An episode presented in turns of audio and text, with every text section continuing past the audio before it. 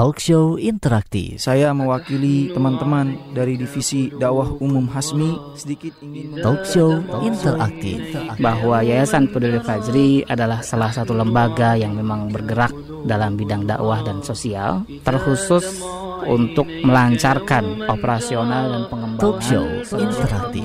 Di pagi hari yang penuh berkah ini saya hadir di sini di Radio Fajri untuk menyampaikan tentang forum komunikasi pendengar Fajri FM. Talk show interaktif. Kami ingin memperkenalkan Yayasan Cinta Remaja Bangsa mengenai masalah remaja. Talk ini show interaktif. SMA Islam Hasmi ini adalah sebuah lembaga pendidikan di bawah Yayasan Islam Al Huda ya. Dan ini sudah Talk show interaktif. Yayasan Takrimul Quran ini merupakan eh, sebuah lembaga yang bergerak di dalam bidang Talk show interaktif. interaktif. Saatnya, saatnya Anda mengikuti talk show, interaktif. interaktif.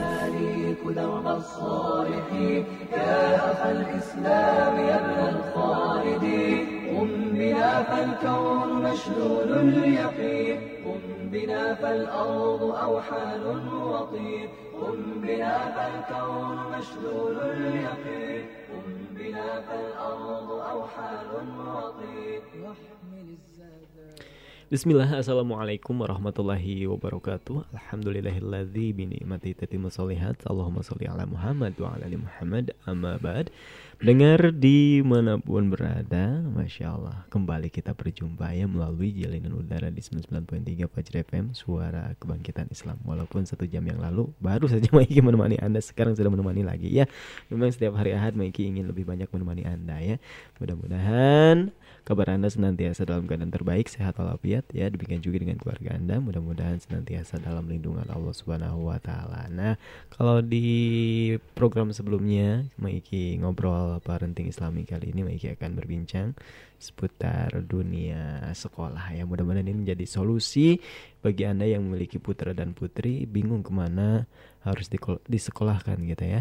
Eh, sudah hadir Hasmi Islamic Boarding School ya.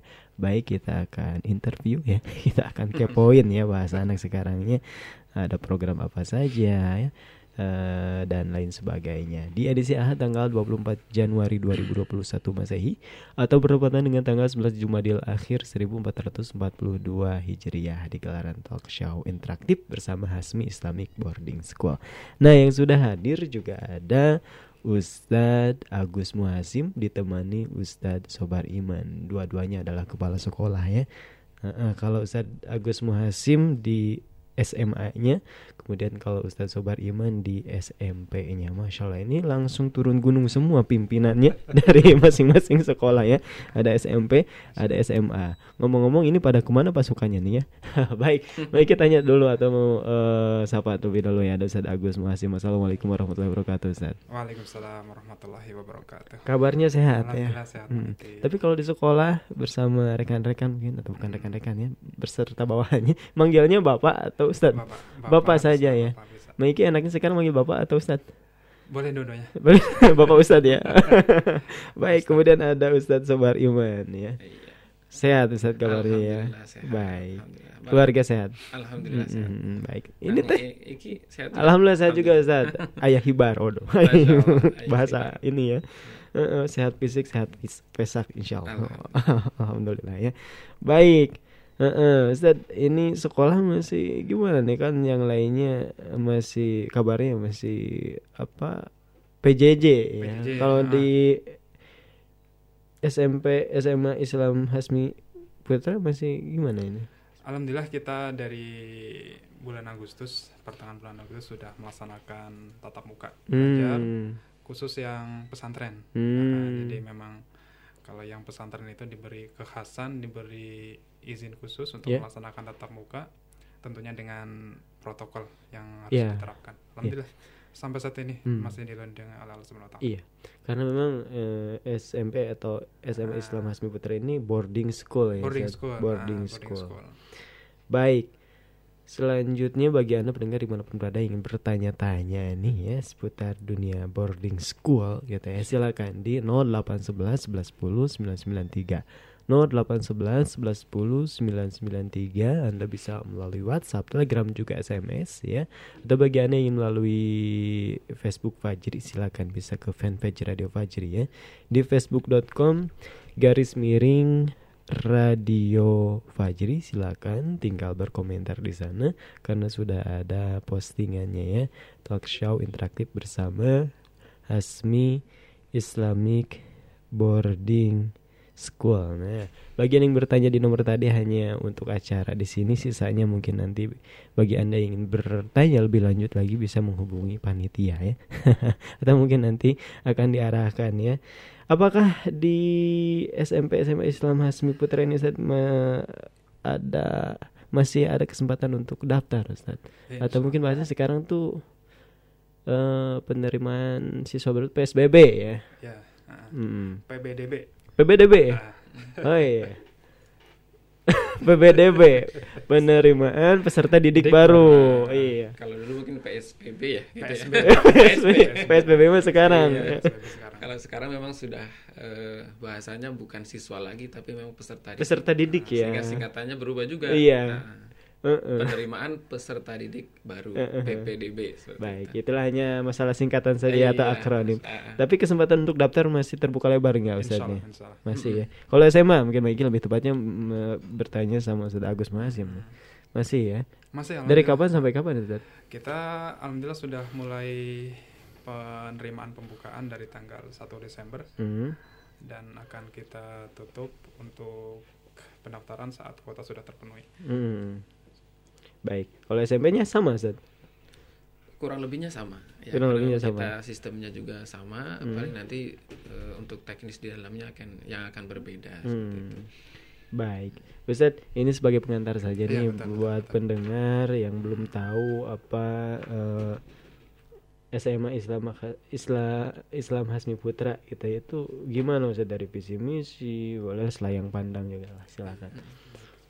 baik eh, Bismillahirrahmanirrahim Eh, Assalamualaikum warahmatullahi wabarakatuh Waalaikumsalam warahmatullahi wabarakatuh. Eh, para pendengar Fajri 99,3 FM yang dirahmati Allah Subhanahu wa taala. Eh, tentang SMP dan SMA Islam Hasmi eh, mungkin kita bukan pertama kali begitu ya untuk mengetahui apa sih itu SMP dan SMA Islam Hasmi. Cuman kita berusaha untuk tetap mensosialisasikan memberi eh, informasi tentang keberadaan kita, eksistensi kita bahwasanya SMP dan SMA Islam Hasmi itu ada dan masih ada seperti Hmm, itu ya. iya. Dan kita perlu ketahui juga eh, bahwa SMP dan SMA Islam Hasmi itu kita eh, boarding school ya. Kalau bahasa dulu mungkin pesantren, gitu ya. Kita Iya. berasrama atau Iya. boarding school. Tentunya dengan boarding school itu eh, kita bisa memaksimalkan pembelajaran-pembelajaran penanaman-penanaman adab kepada eh, peserta didik kita gitu ya. Hmm. Adapun eh, SMP dan SMA Islam Hasmi itu berdiri tahun 2010 ya. Jadi 2010. memang sudah 10 tahun Mm-mm. yang lalu kita sudah berdiri dan alhamdulillah sudah terakreditasi A Oh, Dua kali. Dua kali ya. Pertama itu tahun 2013, kemudian kedua tahun 2017. Alhamdulillah setelah direakreditasi kita bisa me- menaikkan level walaupun sama-sama A tapi levelnya berbeda. Ya kalau Hmm. dulu A-nya itu mungkin di angka 86, sekarang sudah di angka 93. Iya, Sudah iya. Seperti itu sehingga Iya. Masih terakreditasi A. Hmm. Dan selayang pandang kenapa berdirinya SMP dan SMA Islam Hasmi mungkin eh, kita melihat eh, latar belakang eh, pendidikan yang berada di khususnya ya khususnya yang berada di negara kita di Indonesia mungkin kalau kita lihat SMP negeri begitu ya Ya. itu muatan-muatan keagamaannya itu bisa dikatakan sangat minim gitu ya sangat minim sehingga kita perlu dalam mengawal pengetahuan keilmuan eh, seorang siswa atau seorang peserta didik itu perlu ada waktu yang lebih banyak Ya. ya terkait untuk mempelajari eh, ilmu-ilmu agama Islam itu sendiri tentunya eh, kita targetnya memang eh, semua peserta didik yang beragama Islam gitu ya karena Hmm. memang kita sekolah Islam seperti itu sehingga penanam-penanaman yang kita menjadi target eh, dalam artian kita menginginkan anak yang soleh gitu ya itu kita bisa terwujud dengan adanya sistem pembelajaran boarding school atau pesantren. Tentunya Hmm. kita tidak menghilangkan kedinasan begitu Iya. ya. Eh, tetap ada kedinasan bahkan kita tetap eh, berinteraksi atau maksudnya tetap mengadakan yang namanya kedinasan itu tak harus terpenuhi. Di samping itu juga kita harus memenuhi kebutuhan keagamaan Iya, seperti iya. itu. Sehingga struktur kurikulum yang ber- yang sudah di eh, keluarkan oleh Dinas Pendidikan Kabupaten Bogor itu ki- kita sama sekali tidak rubah gitu ya. Tetap ada mata pelajarannya dari 10 sampai 11 kalau SMP, mungkin kalau SMA sampai 16 ya Pak Agus ya.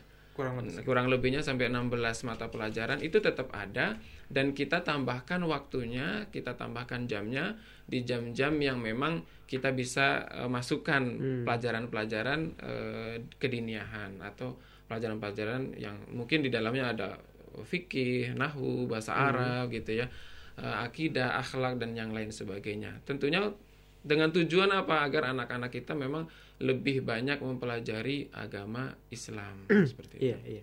Baik, masya Allah demikian ya. Dari kurikulum mungkin bisa dikatakan ini perpaduan ya kurikulum kemahadan dan pendidikan nasional ya Betul. kedinasan. Baik.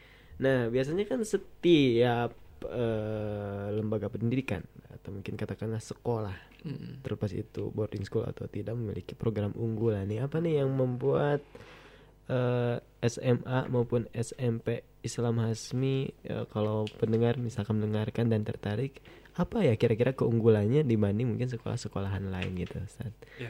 dari program programnya dan lain sebagainya boleh lah ya silakan nih Ustaz Agus boleh Eh, yang paling pertama yang mendasari tentunya adalah sekolah kita menjalankan lembaga pendidikan adalah apa itu visi dan misi sekolah Mm. karena dengan visi dan misi itu menjadi asas menjadi landasan kita salah satunya adalah untuk menjalankan program-program sekolah Iya. untuk visi SMP dan SMA Islam Hasmi baik putra ataupun putri karena kita ada yang putri juga Ada baik putri SMA juga ya? ataupun SMA itu terwujudnya sekolah yang nyaman Nah, Hmm. terwujudnya sekolah yang nyaman dan terdepan dalam mencerdaskan umat dan mencetak generasi robani yang berlandaskan Al-Quran dan As-Sunnah Nah, ini Masya titik poinnya jadi kita ingin membuat sekolah yang nyaman Heeh. dan tentunya adalah terdepan Heeh. untuk apa tujuannya? Adalah mencetak, eh, mencerdaskan umat Mm-mm. dan mencetak generasi robani yang berlandaskan generasi itu adalah yang berlandaskan dengan Al-Quran dan As-Sunnah. Mm-mm. Jadi ini visi untuk semua unit pendidikan kita yang kita eh, melaksanakan semua program itu berlandaskan dari situ. Iya. Dan yang tadi disampaikan Mang Iki, pasti sekolah yang akan diminatin atau sekolah yang akan menjadi tujuan untuk anaknya atau ayah bunda menyekolahkan anaknya adalah salah satunya landasannya adalah program unggulan. Apa nih? Program unggulan yang Mm-mm. pengen anak ayah bunda atau ananda dari anak ayah bunda itu bersekolah atau melaksanakan pembelajaran di situ. Kita ada program unggulan yang dilaksanakan di SMP maupun SMA Islam Hasmi baik putra maupun putri. Itu yang pertama adalah tahfidz Al-Qur'an. Hmm. Nah, apalagi di kurikulum tahun ajaran baru insya Allah muatan Al-Quran itu lebih dominan. Hmm. jadi kita memang ingin mencetak para hufaz dan yang berlandaskan Al-Quran dan Sunnah. Selanjutnya adalah bahasa Arab. Nah, ini bahasa Arab menjadi program unggulan kita. Dari pertama sekolah kita mulai dirintis bahkan. Dan bahkan di unit SMP ataupun SMA Putra kita sudah ada guru khusus atau guru tetap yaitu yang yayasan datangkan dari Yaman yaitu Hmm. Syekhuna Syekh Abu Zubair Al. Yamani beliau menjadi guru tetap di sekolah kita yang kita harapkan beliau mewariskan atau menurunkan ilmunya Iya. kepada anak-anak kita tentunya juga kepada kita semua Iya, iya. sebagai seorang yang mumpuni dalam bidang bahasa Arab karena beliau dari tanahnya dari tanah Arab Native gitu speaker kan. ya, Ah, native penutur speaker. asli.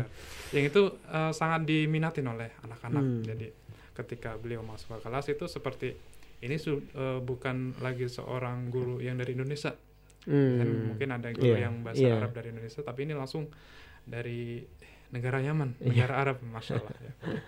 Iya. Selanjutnya adalah bina dai atau bina daiyah. Jadi memang kita ingin mencetak atau ingin memupuk kesadaran anak setelah dia anak-anak kita itu yang bersekolah atau ber, uh, mengaji di sekolah kita itu menuntut ilmu Iya. nanti ketika dia liburan atau setelah menjadi alumni setelah lulus itu diharapkan bisa menularkan atau mengajarkan ilmu itu kepada orang lain Hmm. yang minimal adalah kepada keluarganya dulu Iya. ya kepada keluarganya jadi itu adalah akan dididik oleh kita untuk menjadi seorang dai atau daiyah kita bina di sekolah kita dan selanjutnya adalah hafalan hadis pilihan ya adalah Hmm. hafalan hadis pilihan ini juga menjadi salah satu program unggulan dari kita Iya. yang pertama tadi tafid Al-Quran bahasa Arab Iya. terus bina dai atau bina daiyah untuk Hmm. yang perempuan yang Hmm. putri dan terakhir adalah hafalan hadis pilihan Hmm. Masya Allah, Insya Allah menjadi tolak ukur orang tua yang akan menyekolahkan anaknya di lembaga kita di Iya, iya. SMP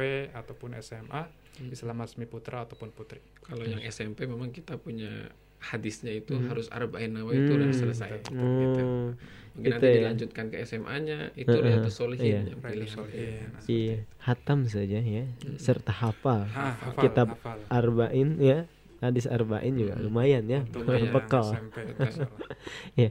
Baik, pendengar di malam berada demikian ya program unggulan dari eh, SMA SMP Islam Hasmi ya. Tadi luar biasa dan eh, memprioritaskan hafalan Quran di awal gitu ya. Menempatkan itu karena memang paling penting dalam hidup kita ya. Baik, pendengar malam berada silakan Maiki lagi-lagi tak bosan untuk mengundang Anda ya agar bergabung di acara ini. Silakan kirimkan pertanyaan Anda di 0811 11 10 993. 0811 11 10 993 atau ke facebook.com garis miring Radio Fajri. Dan nampaknya kita akan jeda terlebih dahulu, tidak dipindah frekuensi karena setelah yang berikut ini kami akan segera kembali. Ucaplah Alhamdulillah Kembali, Hasmi Islamic Boarding School membuka pendaftaran peserta didik baru tahun pelajaran 2021-2022 dengan jenjang SMP dan SMA putra dan putri yang telah terakreditasi A. Program unggulan memadukan kurikulum pesantren dan nasional, tahfidz Al-Quran, bahasa Arab, hafalan hadis pilihan, serta bina da'i dan da'iyah.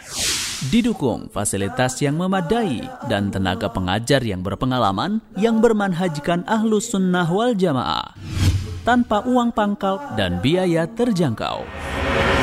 Daftarkan segera putra-putri tercinta Anda.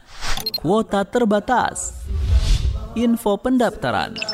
Untuk sekolah Hasmi Putra, hubungi 0812 8993 4747. 0812 8993 4747. Untuk sekolah Hasmi Putri, hubungi 0813 8554 7623. 0813 8554 7623 atau kunjungi website resmi kami di hasmi-islamicschool.com. SMP SMA Islam Hasmi mencetak generasi robbani yang berpegang teguh kepada Al-Quran dan Sunnah. Alhamdulillah Syukur kita kepada Allah Selawat ke atas Nabi Muhammad ya Rasulullah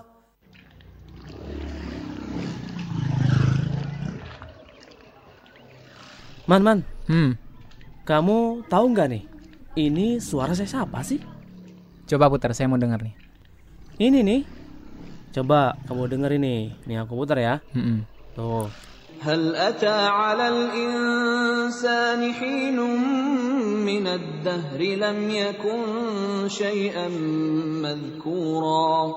إنا خلقنا الإنسان من نطفة أمشاج نبتليه فجعلناه سميعا بصيرا. Oh itu, saya tahu. Itu suara Syekh Misari Roshid.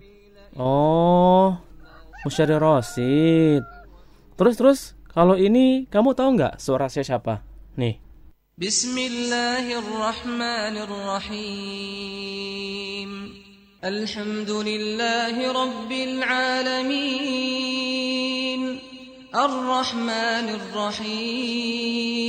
alamin. Maliki yaumiddin. Nah, kalau yang ini, ini suara Syekh Sa'ad Al-Gomidi. Wah, hebat kamu, Man. Mantul. Kok bisa tahu sih nama-nama saya tadi, Man? Sebenarnya nggak hebat juga sih. Wong saya hampir setiap hari dengerin kok. Kalau nggak kenal ya kebangetan. hmm, gitu. Ngomong-ngomong, kamu dengarnya di Radio Fajri kan? Eh. Iya, tapi nggak cuma dengerin di Radio Fajri sih. Terus, kamu denger di mana?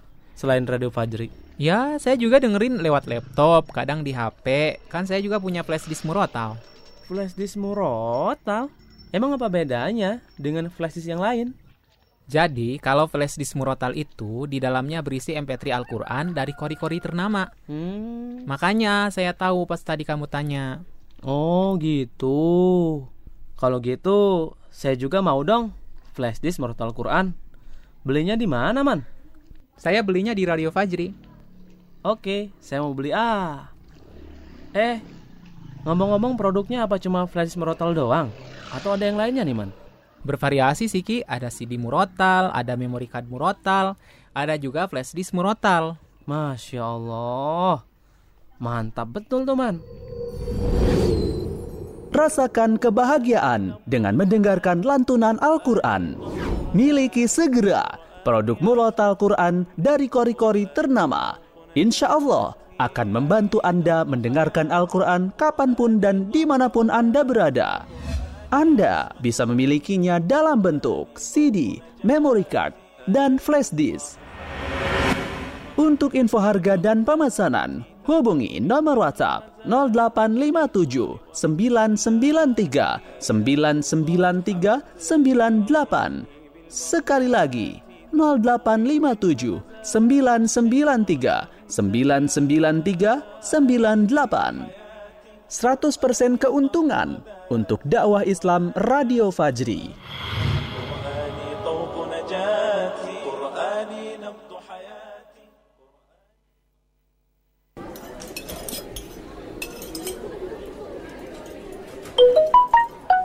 Masya Allah, Masya Allah, Barokallahu fiq. Kenapa ah? Ini pesan broadcast dari Radio Fajri. Wah, aneh kok nggak dapet ya? Padahal aneh pendengar setia juga nih. Udah daftar belum? Lebih dekat dengan Radio Fajri, belajar Islam jadi lebih mudah.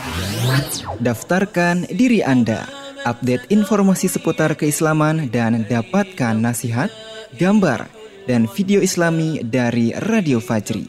Serta jadilah agen penebar hidayah. Ketik nama, tanda pagar kecamatan, tanda pagar kota domisili, dan kirim melalui WhatsApp ke nomor 0811 1110 993 0811 1110 993 Wah, kudu langsung daftar nih. Iyalah, daftar buruan. Dan jangan lupa ah, pakai WhatsApp ya, bukan pakai SMS.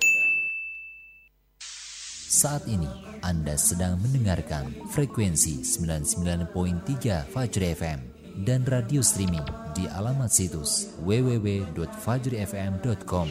Fajri, suara kebangkitan Islam. أيها السالك درب الصالحين. يا أخ الإسلام يا ابن الخالدين. أيها السالك درب الصالحين. يا أخ الإسلام يا ابن الخالدين. قم بنا فالكون مشلول اليقين. قم بنا فالأرض أوحال وطين.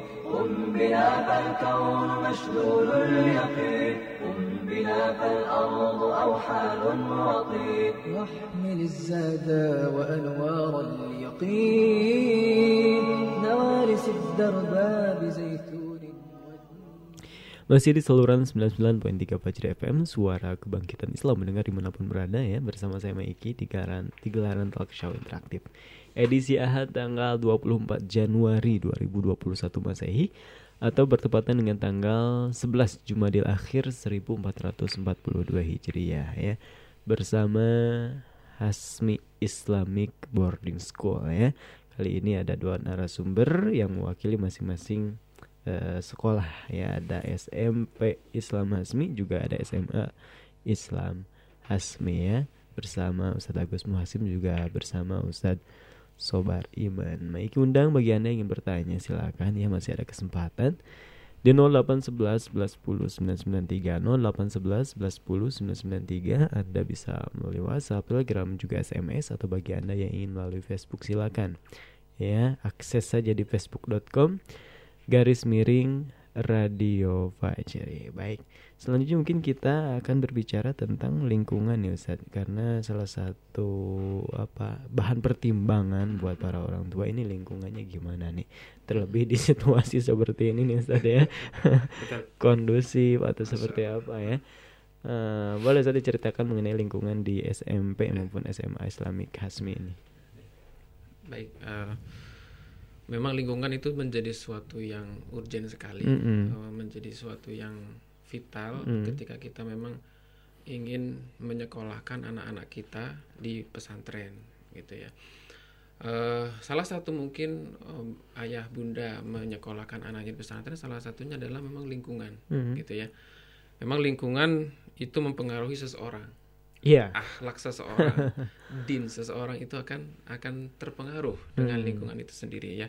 Sehingga di dalam sebuah hadis itu dikatakan almaru ala Dini dini khalil. khalili. Ya, jadi memang seseorang itu akan eh, terbentuk kepribadiannya, terbentuk akhlaknya, terbentuk adab-adab keislamannya itu sesuai dengan eh, din khalil. Jadi Hmm. maksudnya eh, agama seseorang yang menjadi panutan dia, menjadi teman dia, menjadi lingkungan kebiasaan dia berada gitu. Hmm. Sehingga memang eh, tepat sekali ketika kita memilih eh, menyekolahkan anak-anak kita itu di dalam pesantren. Iya. Karena lingkungannya memang sudah kita kondusifkan eh, menjadi lingkungan yang berbasis Islami Hmm. gitu ya. Sampai-sampai mungkin bertanya-tanya ini ada SMP SMA Islam Hasmi putra dan putri itu digabung nggak sih gitu ya pasti ada bertanya-tanya Iya, seperti iya, itu iya. bahkan mungkin uh, bukan mungkin ya memang beberapa uh, calon pendaftar itu banyak yang japri ke saya Hmm. juga memang seperti itu saya kalau uh, lingkungannya itu putra putri digabung nggak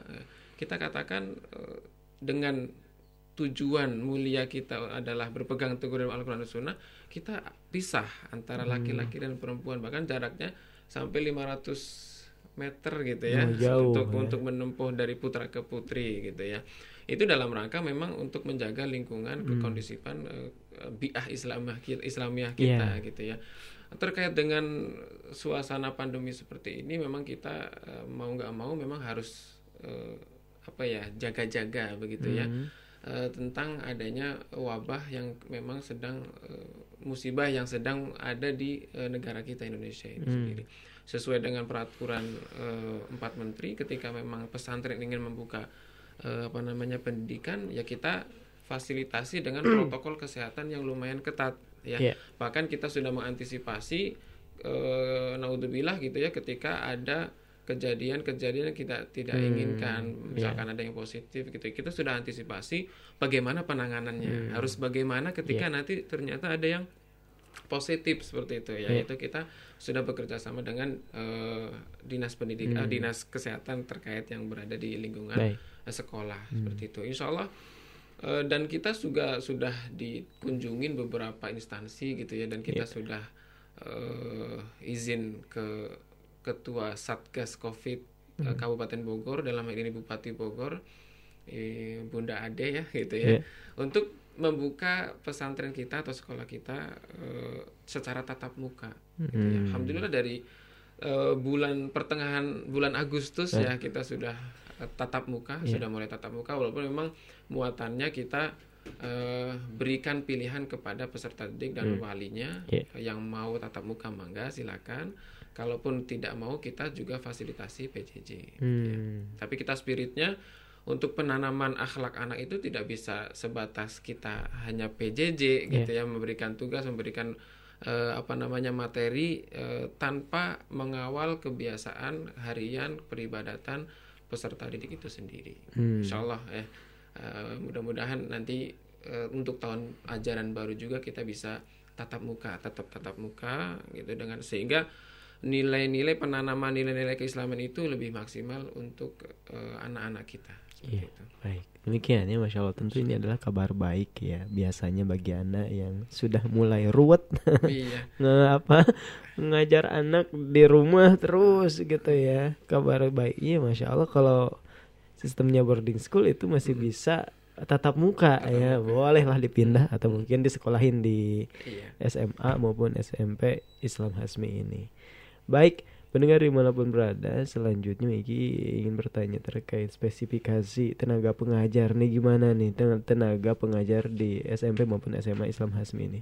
Ustaz Agus Muhasim atau Gas Ustadz Sobar silakan. Eh, untuk tenaga pengajar kita baik di SMP ataupun SM Islam Hasmi baik putra ataupun putri sama seperti yang tadi disampaikan Ustadz kita Ustadz Sobariman ketika yang siswinya dipisahkan lokal atau dipisahkan tempatnya dengan jarak yang lumayan jauh artinya memang pemisahan pendidikan antara siswi putri dan siswa putra kita juga memisahkan untuk gurunya Oh, gurunya juga Jadi dipisah.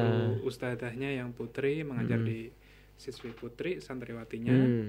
yang ustadz yang putra mengajar juga di Iya. santriwat yang santri yang putra Iya. jadi memang itu prinsip kita dari Hmm. awal dari sekolah pertama berdiri dan alhamdulillah semua para asatid Hmm. semua guru semua tenaga pengajar di sekolah kita berkualifikasi minimal sarjana S1 Hmm. dan itu sudah menjadi kewajiban bagi kita untuk semua pengajar, semua pendidik Iya. minimal berkualifikasi S1 untuk eh, jenjang pendidikannya.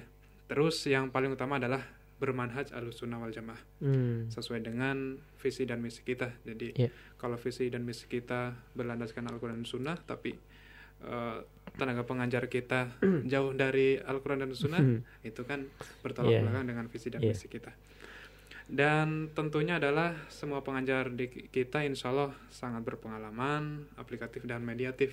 Karena kalau hitungan pengalaman 10 tahun atau 8, bu- 8 tahun, 8 sampai 10 tahun, insya Allah sudah mumpuni untuk sebuah sekolah itu melahirkan pendidiknya sendiri. Jadi ada yang dari awal sekolah berdiri itu salah satunya masih ada sampai sekarang untuk guru-gurunya bahkan masih mendominasi Ya. jadi memang guru-guru yang sudah bertahun-tahun mengajar di kita masih bertahan masih murid boleh berganti setiap tahun tapi Hmm, gurunya guru. masih tetap Masya Allah. Alhamdulillah, Masya Allah. Dan Ya. yang terakhir adalah tenaga pendidikan tahfidz atau dinia yang berpengalaman karena kita memang eh, akan menjadikan program tahfidz sebagai program unggulan dan memang dari awal itu adalah program unggulan Hmm. dan akan kita prioritaskan di tahun ajaran baru kita pastikan untuk eh, tenaga pendidik eh, mapel tahfidz dan tenaga pendidik mapel dinia atau keagamaan harus berpengalaman dan sesuai kompetensinya Iya. Heeh. dan itu semoga menjadi kabar gembira untuk ayah bunda jadi ketika yang tadi kata Mang Eki itu ruwet ya Juwet. Ah, ruwet ketika melihat anak-anaknya bahkan ada juga yang pesantren masih Heeh. memilih PJJ di Mm-mm. apa belum bisa membuka Tutup untuk ya. untuk pembelajaran tatap muka. Dalam hal seperti yang tadi disampaikan, bahkan sampai kita di diverifikasi oleh kecamatan, oleh desa. Yang terakhir itu kita di penghujung semester 1 ada kunjungan dari Dinas Pendidikan Provinsi untuk memverifikasi standar protokol kesehatan yang akan dilaksanakan Hmm. lanjutan untuk pembelajaran di semester kedua. Alhamdulillah eh, Bapak pengawas yang berkunjung ke sekolah kita beliau berpesan eh, protokol sudah sangat bagus, silahkan dipertahankan dan ditingkatkan. Artinya kesehatan anak-anak itu tuh ya paling utama, kesehatan yang paling utama ketika anak itu sehat, anak itu terjamin, didukung dengan program dan protokol kesehatan yang diterapkan oleh sekolah, orang tua juga akan merasa nyaman gitu ya Iya. dan anak-anak akan belajar secara kondusif begitu juga yang mengajar gitu masya Allah Iya.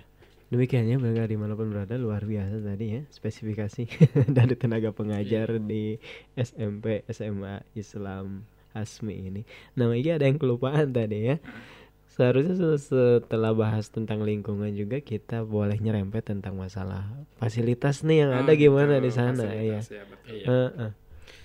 Baik, eh, untuk fasilitas kita tentunya akan menyesuaikan dengan program-program yang ada di kita gitu ya. Hmm. Program-program yang untuk menunjang baik itu ekstrakurikuler maupun program pengembangan diri. Dalam artian kalau ekstrakurikuler itu kan kita fasilitasi untuk siswa-siswa itu sampai ada gurunya segala macam. Mm-mm. Kalau pengembangan diri kita bebaskan anak-anak silakan kalau untuk eh, mem- memperdalam untuk kita fasilitasi gitu. Hmm. sama pengembangan diri. Cuman itu akan terkait erat dengan adanya sarana gitu. Iya. Program pasti akan eh, atau terkait erat lah antara program dengan sarana itu harus harus seimbang gitu. Iya. Nggak mungkin ada program sarananya nggak ada, ada nggak mungkin nggak ada ada sarananya tapi itu yang itu. eh, adapun fasilitasnya yang memang untuk menunjang siswa itu pertama adalah asrama. Ya, asrama Hmm. memang karena kita boarding mau nggak mau harus ada asramanya. Iya. Ya. Kalau di Putra itu kita asrama ada eh, di dalamnya itu maksimal 12 siswa. Satu 12 siswa, asrama. Satu asrama Hmm. 12 siswa dengan di dalamnya ada empat kamar mandi. Oh. Gitu. Ini mungkin menjadi eh, pertimbangan juga. Iya, iya. Anak saya ketika masuk di. SMP Islam Hasmi satu asrama cuma 12 nih gitu. Sehingga untuk mengkondusifkan eh, siswa itu akan lebih mudah Iya, gitu. iya. Apalagi dengan empat kamar mandi, berarti kan pertimbangannya satu kamar mandi Tiga. anak seperti Uh-uh. itu.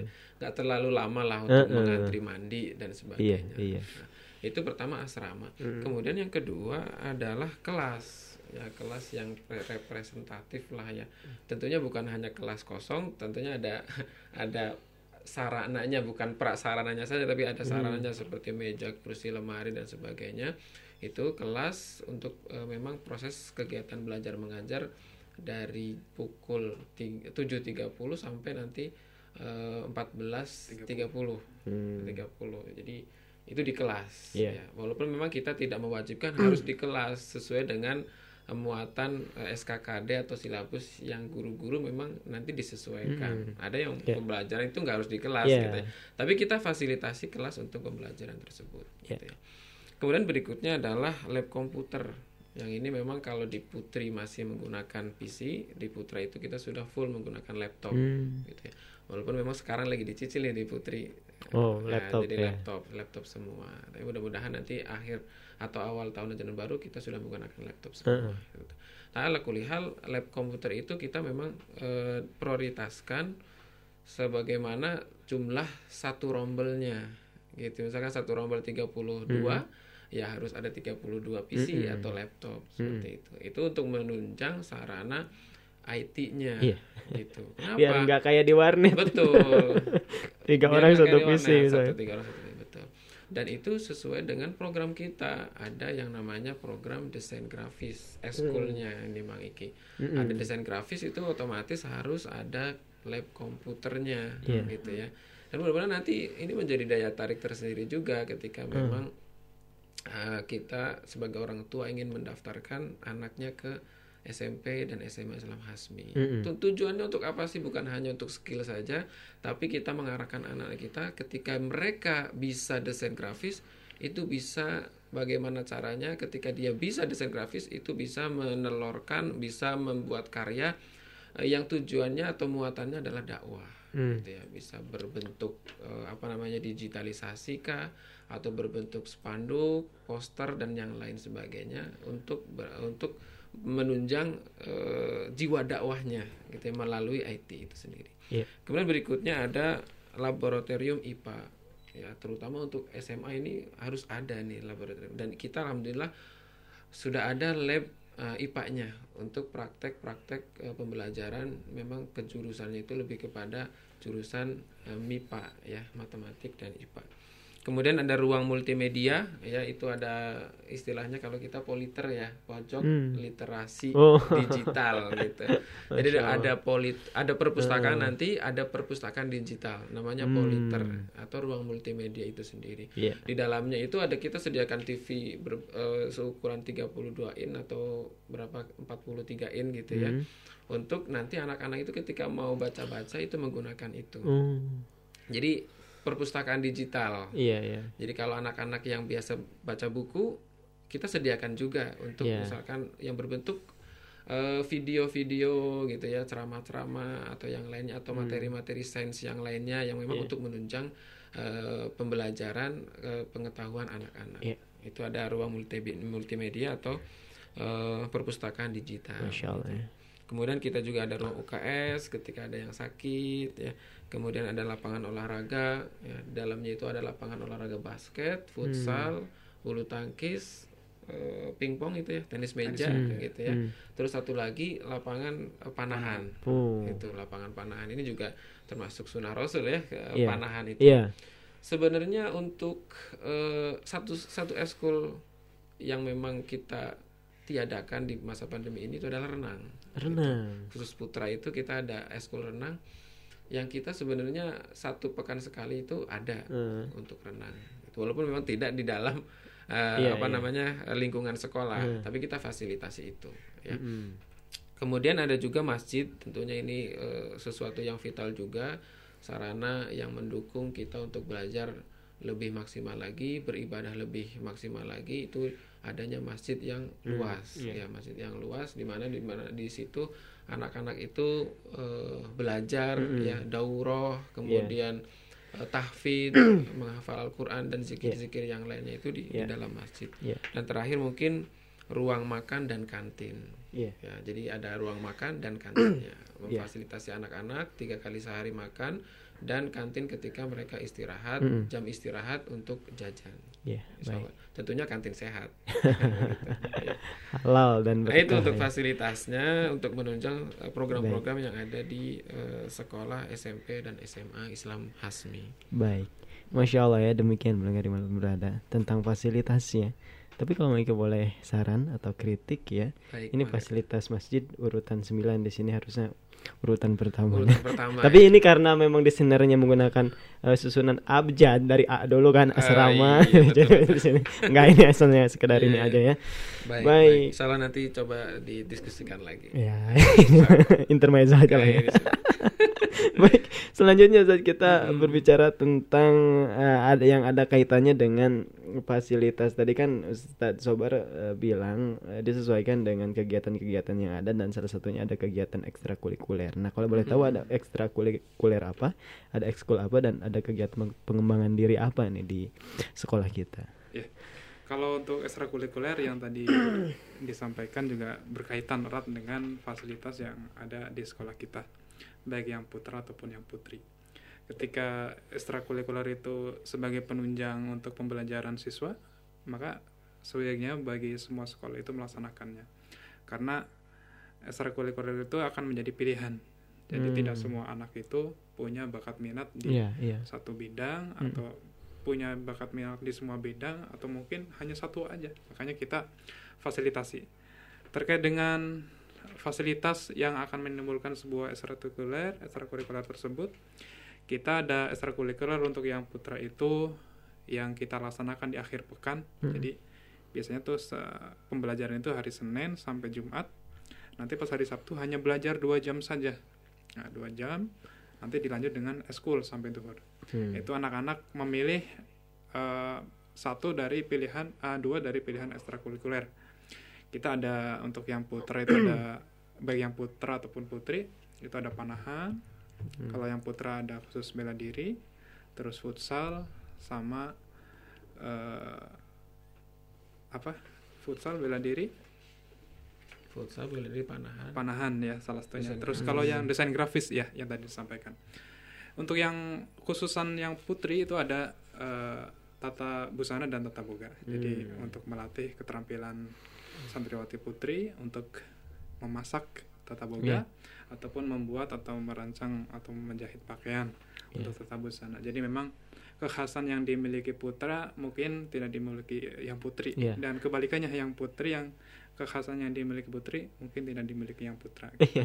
Atau mungkin Boleh. bukan tidak mungkin lah misalnya Iya, tidak mungkin betul. dimiliki misalnya kayak tetap muka dan sebagainya dan atau Iya. ya, dan- ya itulah ya.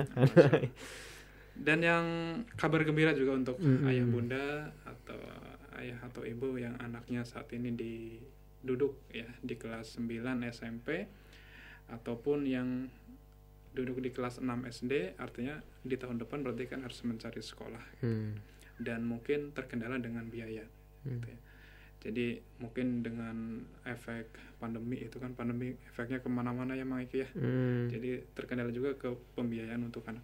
Ya. Nanti anak saya di tahun ajaran baru akan sekolah di mana?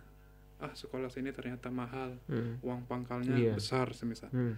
Sekolah sini uang pangkalnya lebih murah, cuman kita Iya. belum sanggup. Iya. Nah, ada kabar gembira untuk ayah bunda atau ayah bapak ibu untuk sekolah kami baik SMP ataupun SMA putra ataupun putri tidak menarik lagi uang pangkal. Hmm. Ya, jadi kalau Free ya untuk tahun kemarin itu kita ada uang pangkal itu kalau yang putra itu di atas 15 juta atau Hmm.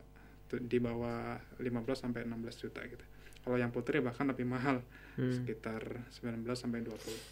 Hmm. Itu uang pangkalnya artinya Iya. uang pangkal itu yang dibayarkan di awal. Iya, iya. Jadi untuk syarat untuk siswa atau calon siswa itu menjadi siswa resmi Hmm. harus membayar uang pangkal. Hmm. Nah, untuk tahun ini alhamdulillah eh, kebijakan yayasan tidak menarik lagi uang pangkal, hanya uang daftar ulang saja untuk buku dan seragam. Hmm. Jadi ketika nanti mendaftar terus kita tes secara online, nah meskipun santri kita tatap muka tapi untuk pendaftaran apa dan tes masuknya itu kita mela- masih melaksanakan tatap muka Iya. secara online masih di rumah masing-masing.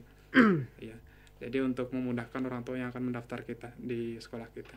Iya. Dan dengan kebijakan tanpa uang pangkal itu harapannya bagi kita untuk ayah bunda atau bapak ibu lebih ringan lah, lebih ringan untuk agar anak itu bisa uh, mengenyam pendidikan di pesantren dan karena kita tidak tidak tahu juga semisal di tahun ajaran baru itu sekolah hampir sama melanjutkan PJJ Hmm. untuk sekolah-sekolah yang yang full day yang pulang pergi atau tatap muka karena kita kan belum tahu kondisi yang ke, ke depannya. Tapi insya Allah untuk yang pesantren SMP atau SMA Islam Hasmi baik putra ataupun putri kita akan komitmen menjalankan apa yang sudah kita jalankan saat ini akan menjalankan terus untuk pembelajaran tatap muka dan ini menjadi hal kabar gembira buat ayah bunda dengan tanpa uang pangkal ingin menyekolahkan anaknya ke pesantren dan kita menjadi salah satu opsi Hmm, iya. pilihan untuk anak bunda baik putra ataupun putrinya insya Allah. Ya, baik demikian ya. Memang yang biasanya menjadi kendala gitu ya para orang tua balik di situa- situasi pandemi seperti ini. Iya, iya. Keberatan di uang pangkal. Uh, seberapa juta ya. eh.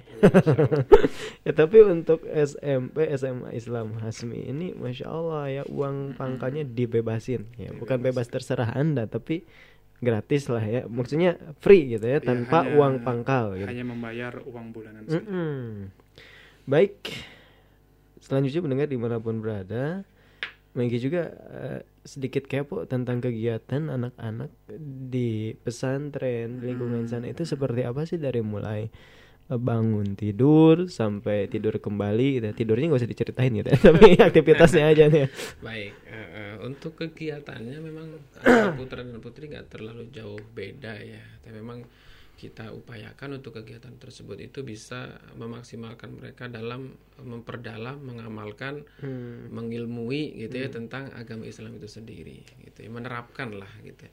Mungkin kalau kita berawal dari bangun tidur gitu ya, sebelum tidur gitu bangun tidur.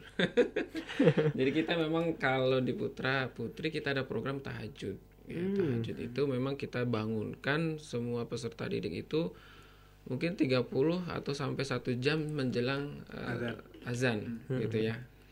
Itu kita kondisikan anak-anak walaupun memang tidak setiap hari kalau jamaahnya tuh tahajud. Iya. Kita coba untuk seminggu dua kali itu tahajud berjamaah sebagaimana kita Hmm. lihat sholat eh, apa tuh tarawih, Tarawih, gitu ya hmm. itu kita kondisikan seperti itu anak-anak ayo sholat ada satu imam gitu ya ada uh, makmum yang yang lainnya jadi makmum itu kita coba seminggu dua kali kita coba dulu seminggu yeah. dua kali dan itu sudah berjalan uh, selama satu semester ini uh, jadi bangun tidurnya itu waktu uh, sepertiga malam atau sholat hmm. tahajud ya selebihnya hari-hari berikutnya itu anak-anak tahajud sendiri tapi kita fasilitasi membangunkan anak untuk pindah uh, sholat tahajud hmm. nah, itu silakan bisa ada yang di asrama dengan membentuk 12 siswa itu satu imam 11 eh, apa namanya makmum hmm, gitu iya. ya.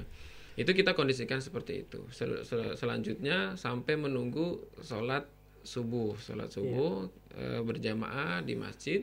Setelah sholat eh, subuh baru ada kegiatan eh, tahfidul Quran. Hmm. nah, tentunya di halakoh tahfid Quran itu. Jadi semua peserta didik setelah sholat subuh itu berhalakoh masing-masing halakohnya dengan 10 peserta didik satu pembimbing tahfid ya satu bimbing tahfid uh, di situ dibimbing tahfidnya uh, dan sebelum mulai uh, menghafal Al-Qur'an itu kita arahkan anak-anak untuk uh, zikir pagi dulu gitu ya. Kalau mungkin kalau siswa awal, siswa baru itu kita setoran dulu zikir paginya. Hmm. Zikir pagi, ya, jadi masukin ke hafalan ya. Betul, betul jadi hafalan dan itu hmm.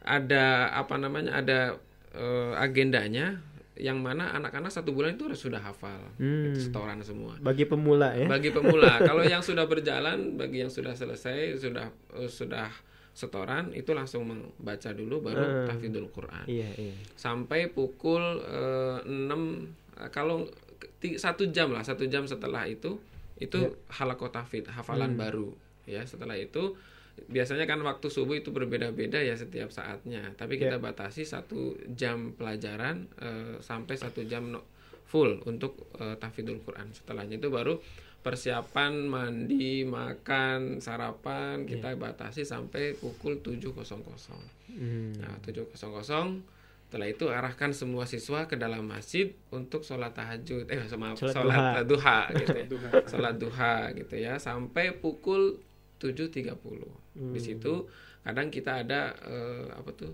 kuliah duha gitu yeah. ya disampaikan kepada anak-anak menjelang mereka masuk uh, apa namanya KBM KBM masuk KBM itu dari pukul 7.30 sampai nanti 14.35 hmm. itu KBM yeah. istirahatnya dua kali jam 10 kemudian istirahat kedua uh, sholat zuhur sampai yeah. jam 1 lebih 10 menit hmm. mulai KBM kembali hmm. gitu.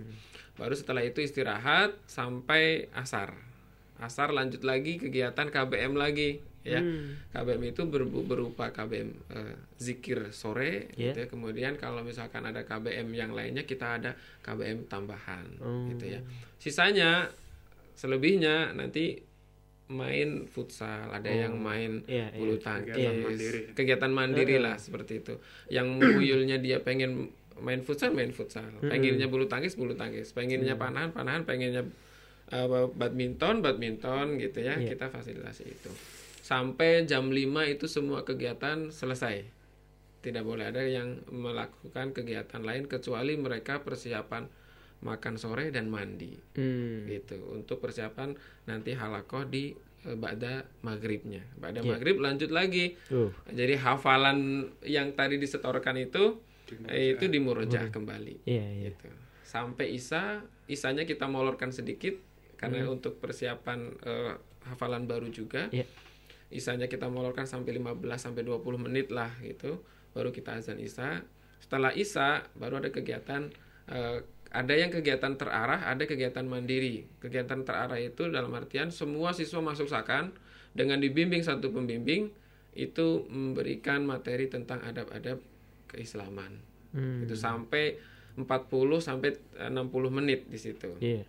Nah, nanti jam setengah sembilan baru anak-anak itu kegiatan mandiri, persiapan belajar untuk pagi, mengerjakan PR barangkali gitu ya, hmm. atau yang lainnya sampai nanti boleh sampai setengah sepuluh kita batasi setengah sepuluh semuanya sudah harus ada di uh, apa namanya asrama. asrama untuk persiapan tidur hmm. jam sepuluh malam itu sudah dikondisikan anak-anak untuk tidur atau istirahat hmm. itu mungkin ke gambaran kegiatannya yeah. 24 itu, jam ya ah, itu kegiatan harian gitu yeah. ya kegiatan mingguan itu ada lagi, kegiatan Mhm. bulanan ada lagi, kegiatan insidental yang sifatnya semesteran, Iya. tahunan itu ada semua.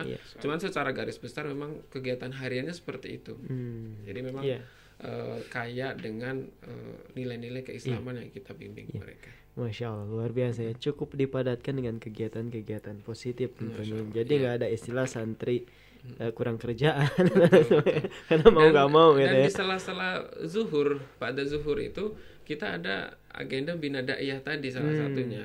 Eh, yaitu mereka kita jadwalkan untuk menyampaikan kultum lah Iya. kultum. Kuliah 7 menit tentang materi-materi yang kita eh, berikan kepada mereka untuk bisa disampaikan di eh, waktu-waktu ba'da sholat eh, zuhur sebelum sholat ba'diyah. Iya. itu kita eh, fasilitasi itu Masya Allah demikian ya mendengar di mana pun berada ya jadi tidak perlu heran seandainya nanti lulusan dari SMP SMA Islamic Hasmi ini eh, luar biasa lah ya prestasinya kan memang kegiatannya juga mantap ini ya. Baik mendengar di mana pun berada tidak terasa kita sudah berada di pukul 11.42 dan khawatir bentrok nanti sama azan zuhur ya mungkin Maiki eh, berikan waktu kepada kedua narasumber untuk langsung saja memberikan kesimpulan adapun yang tidak sempat Megi tanyakan sebenarnya ini ingin disampaikan sampaikan saja silakan ya silakan Mungkin Anda dulu ya.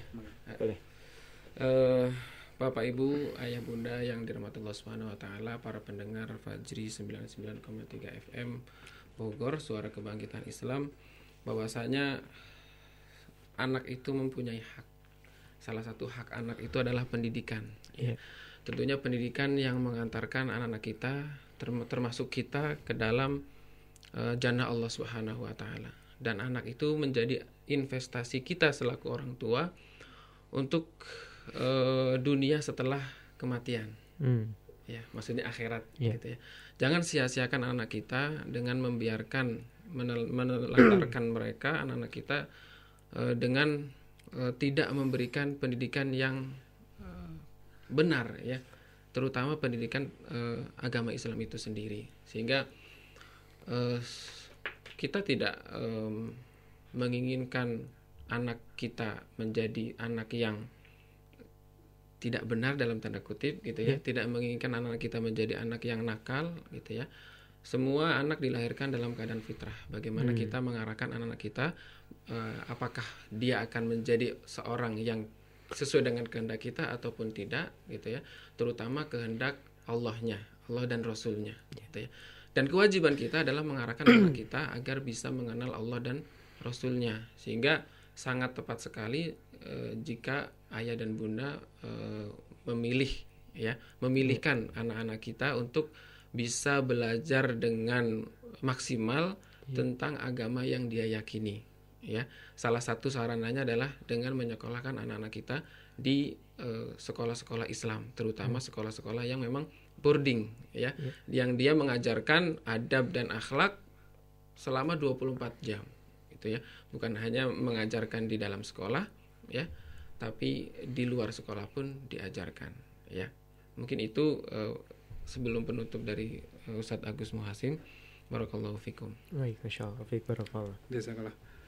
Eh, ayah muda, bapak ibu yang dirahmati oleh Allah Subhanahu wa taala, segenap pendengar Fajri 99.3 FM dan terutama adalah para peserta didik atau para penuntut ilmu bahwa tidak boleh ada keputusasaan dalam hal tolabul ilm.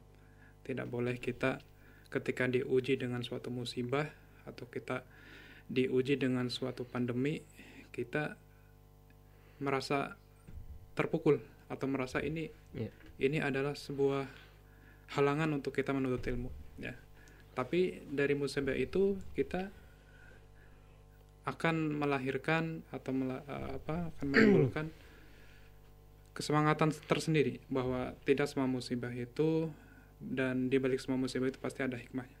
Bahwa dalam hal ini terutama dalam hal pendidikan ketika ayah atau bunda yang saat ini putra putrinya masih ada di rumah yang melaksanakan pembelajaran secara PJJ atau online yang diharapkan ke selanjutnya adalah semoga pandemi ini berakhir dan bisa melanjutkan pembelajaran secara tatap muka secara normal.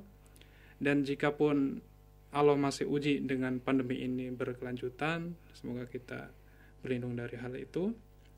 Tapi kita masih punya solusi ya, solusi bahwa pembelajaran tatap muka juga masih berlangsung. Salah satunya adalah di lembaga-lembaga pesantren yang salah satunya yang kita kelola baik hmm. SMP ataupun SMA Islam Hasmi baik putra ataupun putri. Jadi hmm. kita insya Allah dengan protokol kesehatan yang sudah diterapkan, dengan hal-hal yang sudah dipersyaratkan dan kita sudah laksanakan, Alhamdulillah uh, sudah satu semester ini anak-anak berjalan belajar dengan kondusif di sekolah. Anak-anak bisa menyerap ilmu dari para pendidik dengan hal yang harus kita persyaratkan dan itu menjadi kabar gembira buat ayah atau bunda. Dan untuk informasi sekolah kita nanti bisa langsung japri atau menghubungi ke nomor masing-masing. Untuk yang SMA ataupun SMP Putra bisa menghubungi ke nomor WhatsApp atau panggilan ke 0812 8993 4747. Insya Allah untuk yang PBDB atau penerimaan peserta didik baru yang jenjang SMP SMA Putra. Ataupun yang putri bisa menghubungi ke nomor WhatsApp atau telepon ke nomor 0813 8554 7628. Nah, saya ulangi lagi. Untuk yang putra bisa ke nomor 0812 8993 4747. Untuk hmm. yang putri 0813 8554 7628 itu mungkin Mang ya. Baik, website juga mungkin? Ya itu nomor nomor WhatsApp. Website. Oh, website. Ya, kita bisa kunjungi, kunjungi website kami di www atau www.hasmi-islamicschool.com Baik. atau searching di Google S sekolah Hasmi insya Allah akan terarahkan ke website resmi kita insya Allah. Baik Dan, untuk info yang lebih lanjut saat ya, yang tidak sempat kami sampaikan di sini karena waktu yang membatasi kita ya. Betul, betul. Baik. Uh, akhirnya Maiki ucapkan jazakumullahu khair Masya Allah kepada narasumber yang sudah hadir menemani Anda pendengar di mana pun berada. Mudah-mudahan banyak sekali informasi yang bermanfaat untuk kita semua. Dan mudah-mudahan SMP SMA Islam Hasmi ini menjadi solusi ya buat putra-putri kita Sebagai generasi penerus bangsa ya. Baik Ustaz Agus Muasim, Ustaz Sobar Iman iya. Jazakumullahu khair Barakallahu fikum ya. Baik sampai bertemu kembali ya nanti di talk show berikutnya. Walaupun langka nih momennya ya. Baik mendengar di berada baik pamit undur diri. Mohon maaf atas segala kekeliruan. Kami aturkan terima kasih kepada anda sudah berinteraksi ya maupun anda yang hanya menyimak saja. Juga mewakili akhi Haris di meja operator Uh, ja dan jangan dan uh, sampai jumpa lagi di acara-acara menarik lainnya Radio Fajr FM Suara Kebangkitan Islam. Subhanakallah wa bihamdika asyhadu an la ilaha illa anta astaghfiruka wa atubu ilaik. Wassalamualaikum warahmatullahi wabarakatuh. Baru saja Anda menyimak talk show. Terima kasih atas partisipasi dan kebersamaan Anda. Anda.